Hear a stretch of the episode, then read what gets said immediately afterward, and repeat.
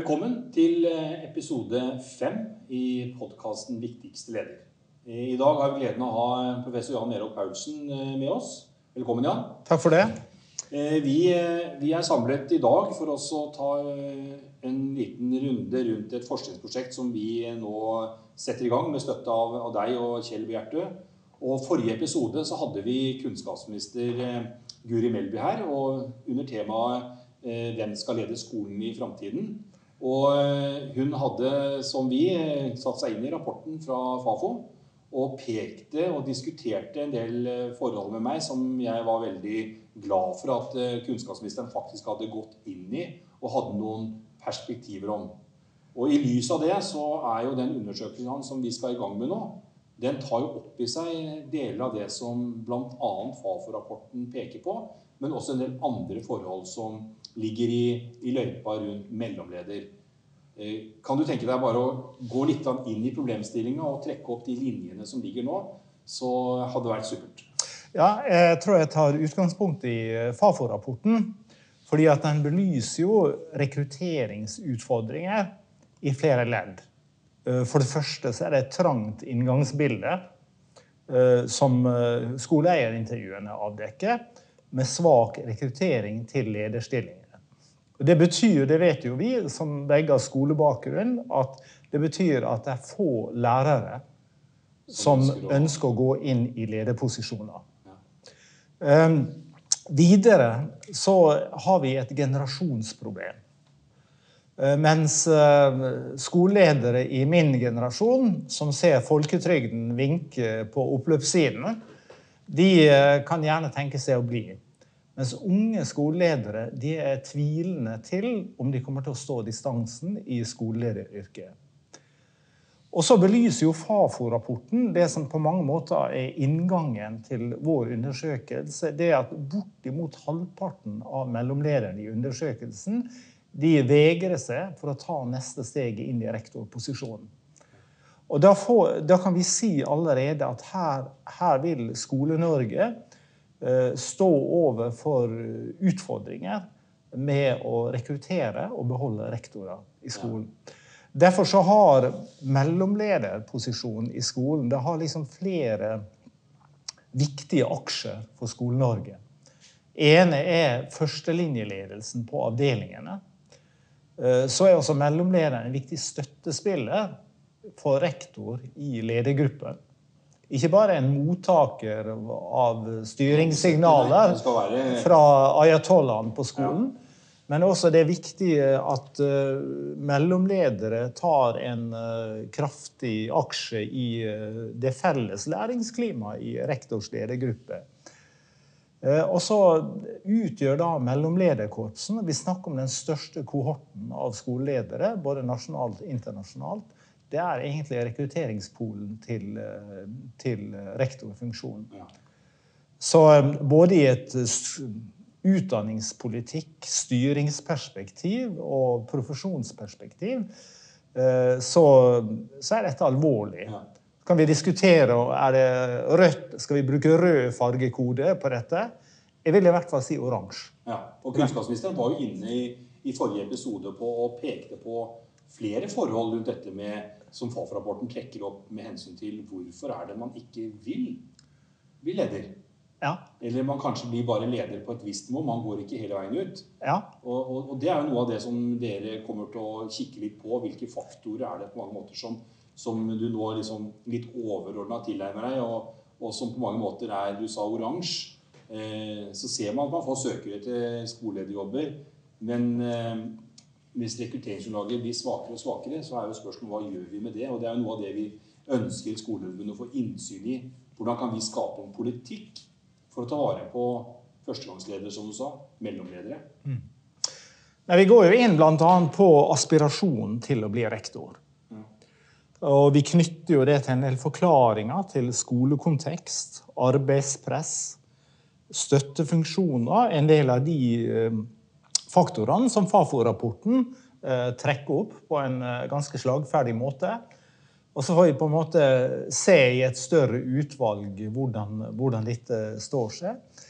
Um, så, så, tar vi jo også lyskasteren inn på andre arenaer. Forholdet mellom mellomlederen og personalgruppa.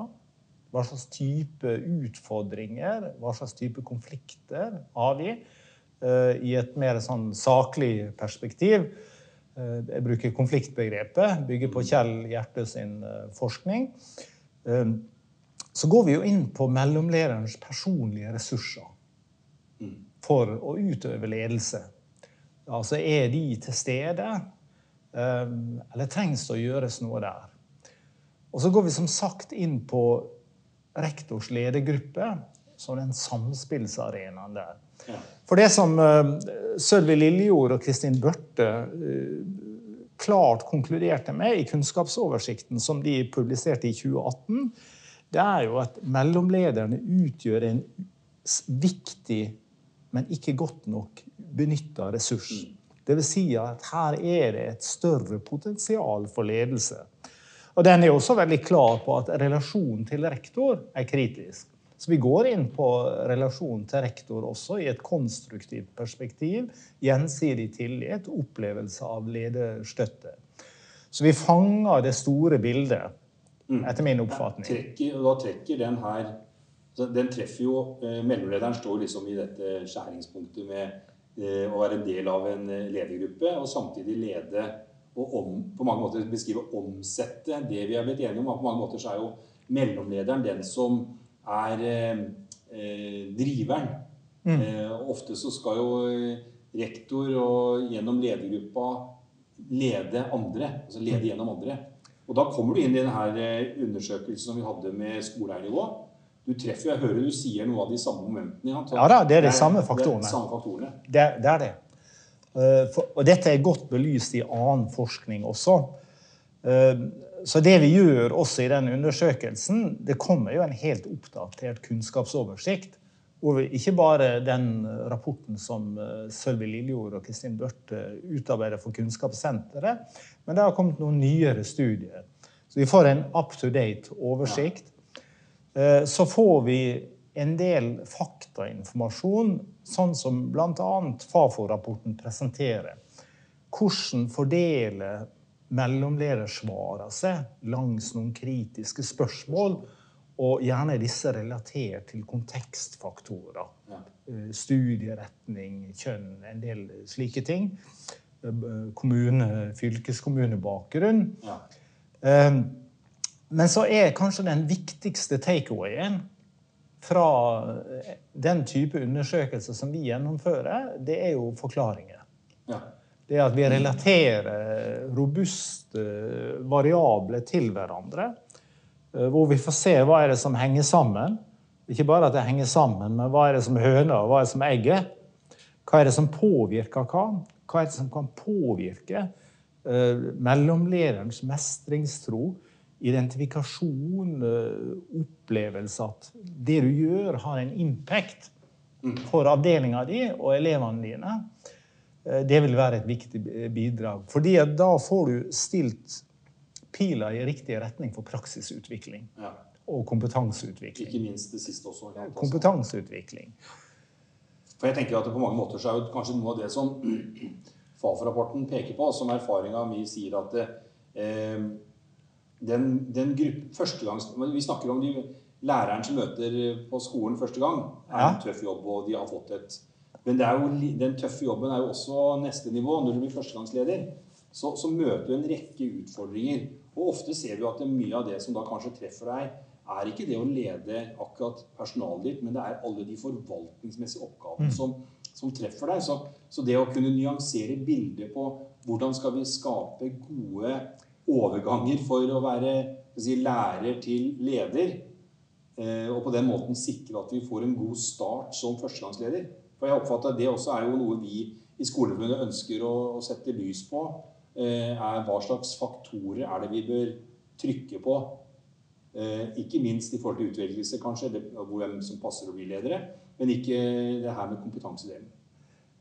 Ja, det, det er jeg helt enig i. Um, kunnskapsministeren tok jo opp en del velreflekterte og også realitetsnære spørsmål bl.a. støttefunksjoner og forvaltningsoppgaver. Og som hun sa, det at folk søker seg til skolen for å jobbe med mennesker og læring. Altså Folk går ikke på lærerutdanning for å drive med forvaltningsoppgaver og bokholderi.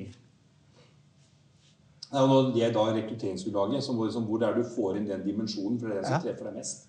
Ja, Men du må ha sterkere støttefunksjoner. Og det er, en, det er etter min oppfatning relativt mange elefanter i sko skolestua i dag. Og det er klart støttefunksjonene i en tid hvor de administrative kontrollsystemene har økt massivt over en 20-årsperiode, og en skal være ganske blind for å ikke se det, så er jo klart støttefunksjonene veldig kritiske. Eh, Og de har ikke blitt utvikla tilsvarende. Ja, og Vi ser jo forskjell der på videregående nivå, eh, på noen, i noen fylkeskommuner i hvert fall, og på kommunalt nivå. Så det er store forskjeller hvordan kommunene organiserer seg i støtte. Og ofte så ser vi nå i disse dager at man faktisk tar bort eh, mer og mer ressurser, og rektor sitter snart alene igjen sammen med de få avdelingslederne og ingen andre støttefunksjoner rundt seg. Ja, da må, du, da må du stille spørsmål hva er egentlig profesjonskjernen her? Ja. Er det å lede voksnes læring og få lærerens perspektiv le- lede og drive frem barns læring og dannelse? Eller er det å være regnskapsfører? Ja. Og, og det er vel litt som du sier, altså regnskapsfører litt sånn i anførselstegn, fordi at vi har fått den rettighetsdelen. Vi er jo ikke imot at eh, vi skal ha rettigheter, men det gjør jo også at det blir et kontrollregime. Og spørsmålet er sånn, hvor er det hvor er det det treffer ja, mellomlederen, rektor, i forhold til det daglige arbeidet? Og det er jo interessant hvis undersøkelsen kan peke på en litt dypere innsikt der hvor Fafo-rapporten egentlig la kanskje litt det, det, den brede penselen over. Så kommer undersøkelsen her, håper vi, da, til å komme oss litt nærmere inn i kjernen av det hva det vil si å være leder. Og det er jo eh, operative ledere som skal svare på undersøkelsen. Håper aller, aller høyeste grad. Eh, Jeg tror personlig, eh, hvis vi tar det, på- det hinderet fra mellomleder til rektor, så tror jeg at alle mellomlederne ser hva slags situasjon rektoren deres er i. Mm. Alle ser det. Her er et arbeidsplass 24-7. Mm.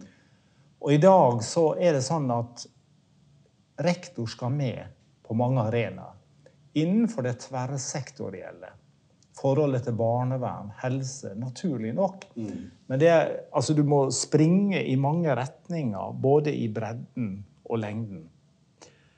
Eh, Og det kan godt hende at mange mellomledere gjør sine velreflekterte vurderinger eh, basert på det de ser i egen organisasjon.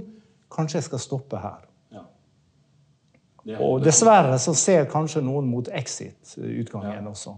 For, for det er jo en, en faktor som også pekes på i Fafo-rapporten. Liksom, er det slik at eh, det er noen Det er litt sånn som med lærere som slutter. da. Hvor mange av de som eh, slutter fordi de hadde egentlig tenkt å søke seg eh, utfordringer som de ikke De ser at de får ikke den faglige utfordringen med å bli leder i skolen. Så de slutter å bli leder en annen plass, hvor de kanskje får mer faglige muligheter faglig.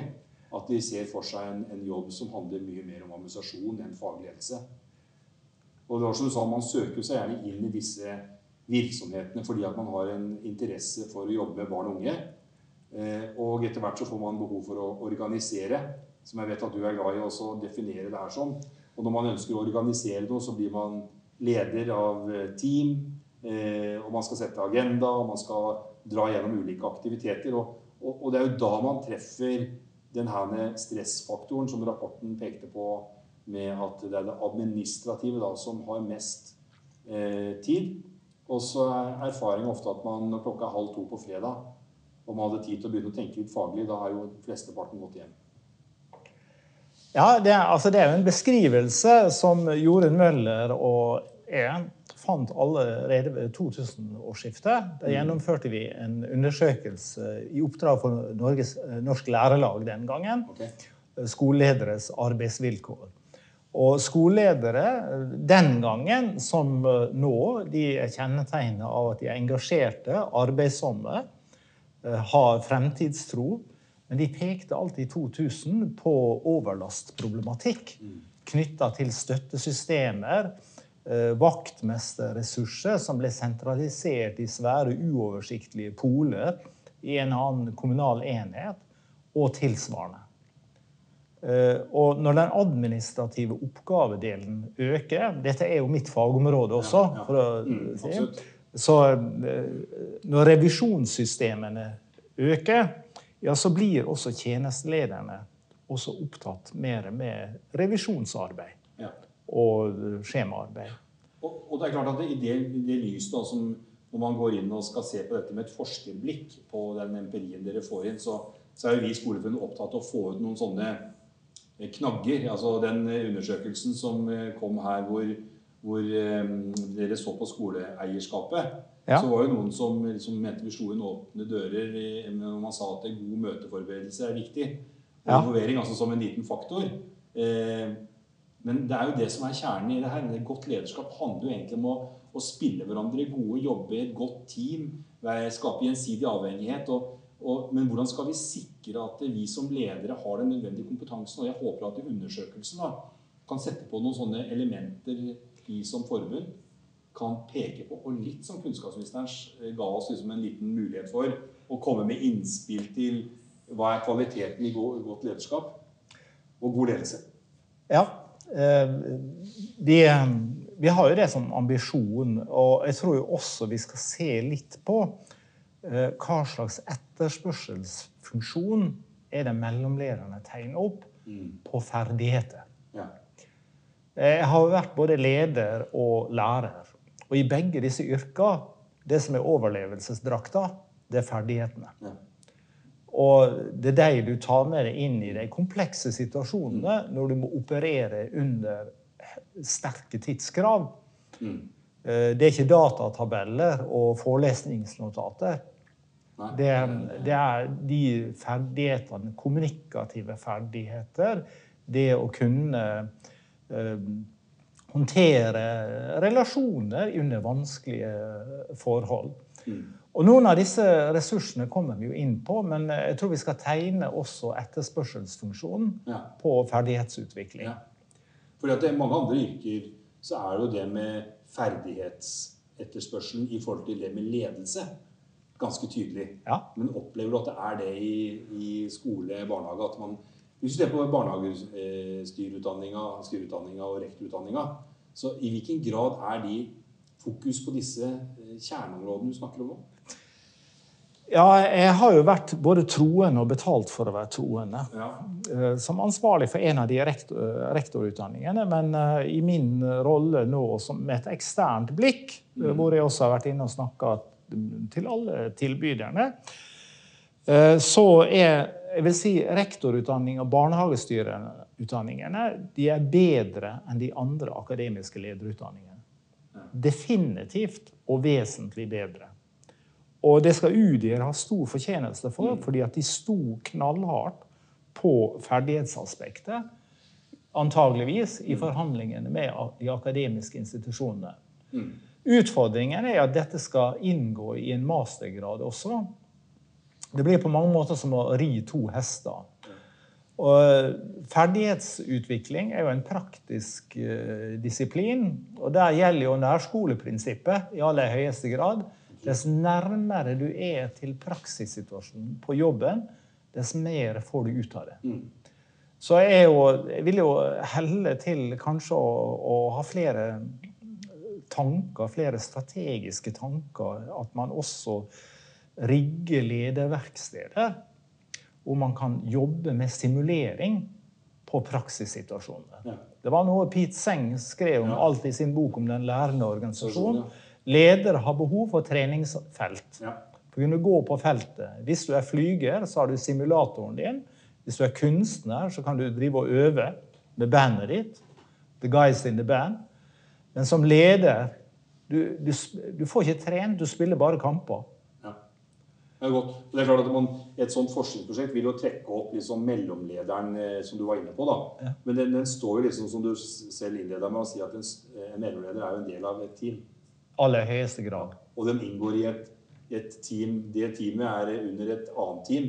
Og det, sånne kjedene her er jo viktige. Ja. Og det at man har sammenfaktorer som er like, uavhengig av hvor teamet er, så er det jo en del komponenter som vil ligge der. Eh, altså relasjonskompetanse. Ja, det... det... med å være eh, se, se, hverandre som, et, som, faktisk som et team. Altså gjensidig ja. avhengigheten, som Kjell er inne på. Kjell Bjerte. Eh, og som vi diskuterte veldig overordna i, i, episode tre. Så, så, vi treffer jo nå gjennom det her arbeidet som dere gjør nå med, for oss og medlemmer, så tar dere et blikk inn i kjernen, altså motoren ja, vi tar et blikk inn uh, i kjernen, maskinrommet for skoleutvikling. For det er det glade budskap i vår forskning. Det er jo at det er jo de samme faktorene som er konstruktive for læring, tillitsbygging, utvikling i et skoleeierforum hvor det sitter rektorer. Mm. Så det er de samme faktorene som slår inn like positivt i rektors ledergruppe og du kan overføre det også til lærertimer. Som er Kjells arena. Altså at det, det, betyr det at ja, du kan modellere. Du kan drive modellere. Ja, spillflaten du snakket om, da kan du faktisk modellere. Og du kan også lage kan det spillscenario for, for, å øve deg hvis du hadde kapasitet og mulighet til Ja. Og kanskje er det det som er litt sånn framtid. At du skal Det er jo alltid Du sa selv med simulator og sånne ting. altså det er alltid eh, greit å kunne øve på noe som ikke er skarpt. Ja, altså jeg var jo, Som soldat så var jeg i flyvåpenet, og jeg skjønte jo raskt fordelen med å simulere flykrasj i en simulator fremfor å gjennomføre det i real life. Og det er vel litt sånn at Veldig mange er jo rett fra, eh, fra kan si, lærerfunksjon til lederfunksjon, og så står du der. Ja. Og, og, det er jo den, eh, det dilemmaet som kanskje Fafo-rapporten peker på, at vi, vi ser at oppgavene og kanskje også de som leder deg, eh, har en lederprofesjonalitet som ikke stimulerer til utvikling. Det kan jo være mange forhold i en sånn kontekst som, som bidrar til å, å, senke motivasjonen, at du gjør noe annet. Ja, absolutt. Det, eh, det kan det. Men det vi snakker om her nå, det er jo egentlig et gruppeperspektiv på ledelse. Ja at disse gruppene som vi belyste i rektorundersøkelsen 2018, og som vi også kommer inn på her, og som er Kjells uh, hovedarena uh, gjennom en del av den fagutvikling mm. som han har stått for, med team og team i skolen. hvor Han kommer med en helt ny bok nå, uh, sammen med en lærer og en rektor som forfattere. Så, så er så bryter det litt mer ned eh, ideen eller myten om ledelse som en eh, solistoppgave. Ja. Det trekker fram det, det litt breiere Lagarbeidet. lagarbeidet. Ja. Og hvor da som rektor så må, så, må det, så må, man spille på mellomlederne sine. Og mellomlederen må ha som en del av sin ledersosialisering, og ikke bare tenke advokat, for egen avdeling eller eget trinn, men også gå inn og kjøpe en sterk aksjeposisjon i rektors ledergruppe. Mm. Og dette høres jo lettere ut uh, i en samtale. Ja, det det, og det er mye lettere på et hvitt lerret også, med bokser og piler. Men det er en konstruktiv gruppedynamikk som uh, må på plass her. Uh, jeg kan jo også si at vi i, i under hovedgruppen personlige ressurser så trekker vi opp også et av Kjell Hjertø sine forskningsområder, emosjonell intelligens. Ja. Det at du klar, altså Emosjonenes betydning har jo han belyst viktigheten av for utvikling gjennom emosjonelle saks- og oppgavekonflikter. Og denne faktoren emosjonell intelligens, eh, som han har empirisk forskning på også, og vært en toneangivende aktør på, det trekker vi også inn i undersøkelsen. Mm. For Vi ser at det går også inn i um, oversiktsstudier eh, internasjonalt på hva er det som kjennetegner effektive skoleledere. Ja. Og de har som en del av beholdninga i sine personlige ressurser at de forstår emosjonenes betydning, både sine egne og kollegaene sine. Eh, de kan sette seg inn i eh, hvordan andre reagerer emosjonelt. Og de er flinke til å regulere sine egne emosjonelle uttrykk. Ja. Det er spennende at du sier det, fordi vi, Vi, vi har jo eh, også satt i gang i forbindelse med arbeidet med vårt eh, programdokument som skal på landsmøtet i 21, et, en refleksjon rundt dette med lederprofesjonalitet. Mm. Hva innebærer det? Og Der kommer vi også inn på dette med emosjoner. Så det er noen syn her, og det er klart, det her, Alt ikke sånn alt i den uh, sammenhengen vi her prater da, når det gjelder ledergrupper og, og uh, mellomledere, ulike utfordringer, ulike perspektiver for hvor du står, hvilke rammefaktorer du har osv. Så så jeg er veldig spent på nå, når vi nå etter hvert skal rulle det her ut, eh, Jan, i, om ikke så lenge, så har vi en målsetning om å kunne legge fram en rapport en gang ut på våren.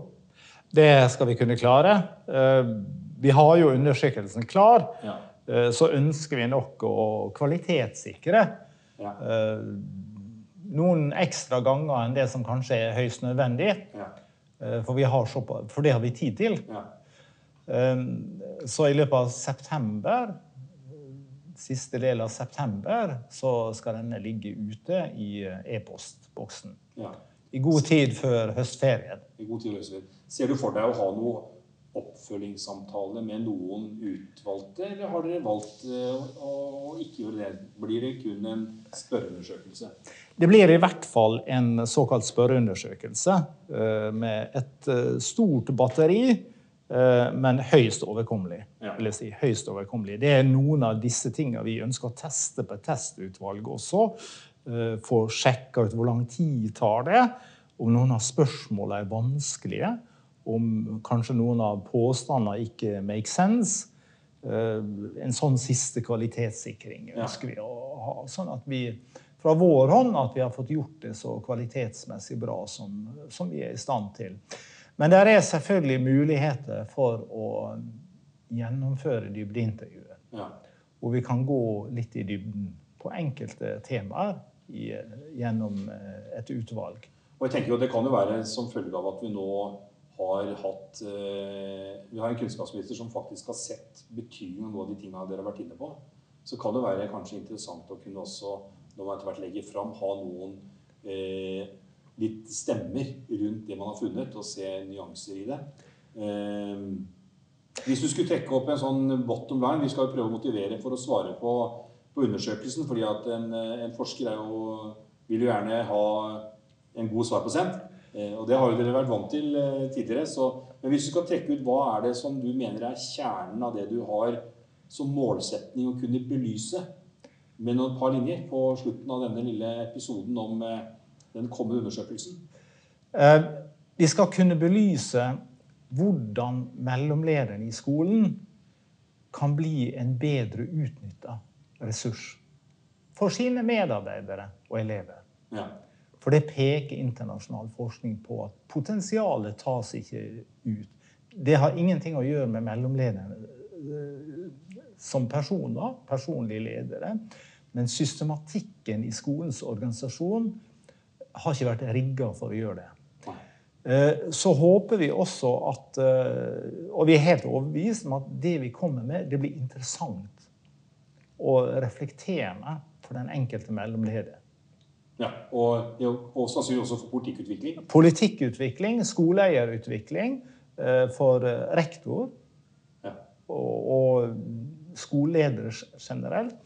Men det skal gi et spissa bidrag til, til mellomlederne. Vi, eh, vi nærmer oss eh, slutten på denne lille episoden. Eh, og hvis jeg skal føye på da, altså at, at, vi kanskje også kan få bore litt inn i hvor er det på ferdighetsskalaen vi skal virkelig kjøre i de skarpe trompetene ja. nå fremover. Ja, for Det er noe av det du var inne på også, at det her med ferdighet er, ferdighet er viktig, et viktig element å kunne utøve et godt lederskap eh, og en god ledelse. Dess mer kompleks jobb du har, som både lærere og skoleledere har, dess viktigere er ferdighetene dine. Og du trenger mange av dem. Og Det viser jo eh, den bredspektra oppgaven du innleda med, at eh, det er blitt en ganske krevende oppgave. Og det er jo også et politisk signal tenker jeg vi skal komme til ved å si at eh, vi trenger faktisk som kunnskapsminister rammen også rundt skole og barnehage. At ikke alt bare dyttes inn uten å tilføre ressurser. For det er en viktig faktor for at jeg ser deg som leder og sier at nei, den jobben der vil ikke jeg ha, for den, den er jo, du er jo på jobb hele tida. Ja, Det er en viktig ting. fordi at uh, skoler er åpne og transparente ja. organisasjoner. Folk ser hva de andre sliter med. Ja. Det er helt åpenbart. Og Det var jo det Fafo-rapporten pekte på, at eh, arbeidsbelastningen 24-7 er elementer som gjør at jeg, 50 som du sa, faktisk ikke ønsker å gå, ta neste steg. Jeg ser klokka går, men jeg har faktisk lyst til å avslutte med en anekdote. Karen Searshaw, som er intervjuet for skolelederen, fortalte meg under intervjuet at i Minnesota så rekrutterte hun en gruppe businessledere til å prøve å være rektor en uke. Og Det var hennes jobb å debrife dem. Og det hun sa, punkt én, de var fullstendig exhausted. Og de var sjokkert over all den kompleksiteten som rektorer måtte håndtere i jobben sin. Det tredje, den uka endra synet deres på amerikansk public education fundamentally.